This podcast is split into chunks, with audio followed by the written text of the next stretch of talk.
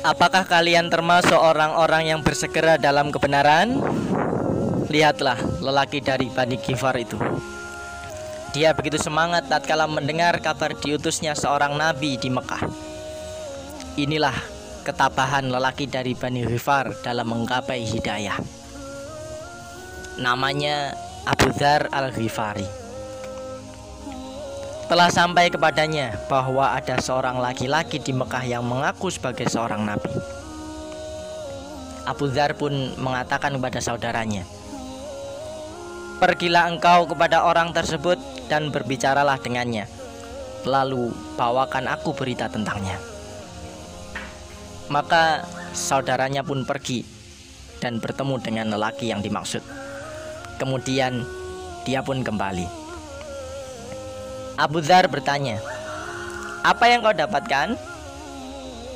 Saudaranya menjawab, "Demi Allah, aku telah melihat seorang yang mengajak kepada kebaikan dan mencegah dari kemungkaran." Mendengar itu, Abu Dhar menjawab, "Aku belum puas dengan berita yang kau bawa.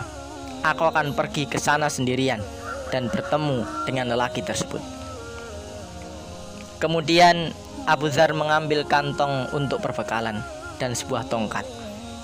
Dia pun memutuskan untuk ke Mekah. Sedangkan Abu Zar tidak mengenal siapa Muhammad dan dia enggan untuk bertanya tentang Muhammad. Di sana Abu Zar hanya minum air zam-zam dan tinggal di Masjidil Haram. Kita bayangkan kondisi pertama Islam didakwahkan oleh Rasulullah Muhammad Sallallahu Alaihi Wasallam maka orang-orang yang menampakkan keislaman bisa diancam dengan pembunuhan. Kita lanjutkan kisahnya. Abu Dhar pun bertemu dengan Ali bin Abi Thalib. Akan tetapi saat itu Abu Dhar tidak mengatakan apa-apa kepada Ali. Abu Dhar bertahan di masjid berhari-hari Hingga akhirnya Ali terheran dan dia bertanya apa maksud kedatangan Abu Dhar ke Mekah.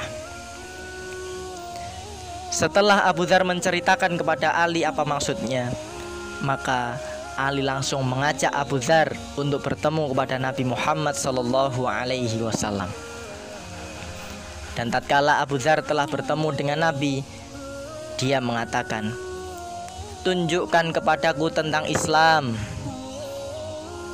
Lantas Rasulullah Muhammad Shallallahu Alaihi Wasallam menerangkannya dan Abu Dhar langsung membenarkannya. Dia pun bersyahadat asyhadu alla ilaha illallah wa asyhadu anna Muhammad Rasulullah. Nabi pun berpesan kepada Abu Dhar, "Wahai Abu Dhar, simpan dulu hal ini dan kembalilah ke negerimu." Jika engkau mendengar kita telah terang-terangan dalam dakwah, datanglah kembali. Abu Dhar pun mengatakan kepada Nabi, Demi zat yang telah mengutusmu, akan kusampaikan kepada orang-orang kebenaran ini. Lalu Abu Dhar langsung ke masjid. Sedangkan di sana berkerumun orang-orang Quraisy Abu Dhar pun langsung berteriak, "Wahai kaum Quraisy, aku bersaksi bahwa tidak ada yang berhak untuk diibadai kecuali Allah Subhanahu wa taala. Dan aku bersaksi bahwa Muhammad adalah hamba dan utusannya." Orang-orang Quraisy pun berteriak. Mereka marah. Mari kita hajar pembangkang ini. Yang dimaksud adalah Abu Dhar. Lalu mereka memukuli Abu Dhar dan hampir membunuhnya. Setelah itu Al-Abbas datang dan melindungi Abu Dhar seraya mengatakan Celaka kalian orang Quraisy Apakah kalian ingin membunuh orang Ghifar ini? Sementara dagangan kalian melintasi Ghifar Oleh karena itu orang-orang pun membubarkan diri mereka tidak jadi memukuli Abu Dhar. Keesokan harinya, Abu Dhar tidak putus asa.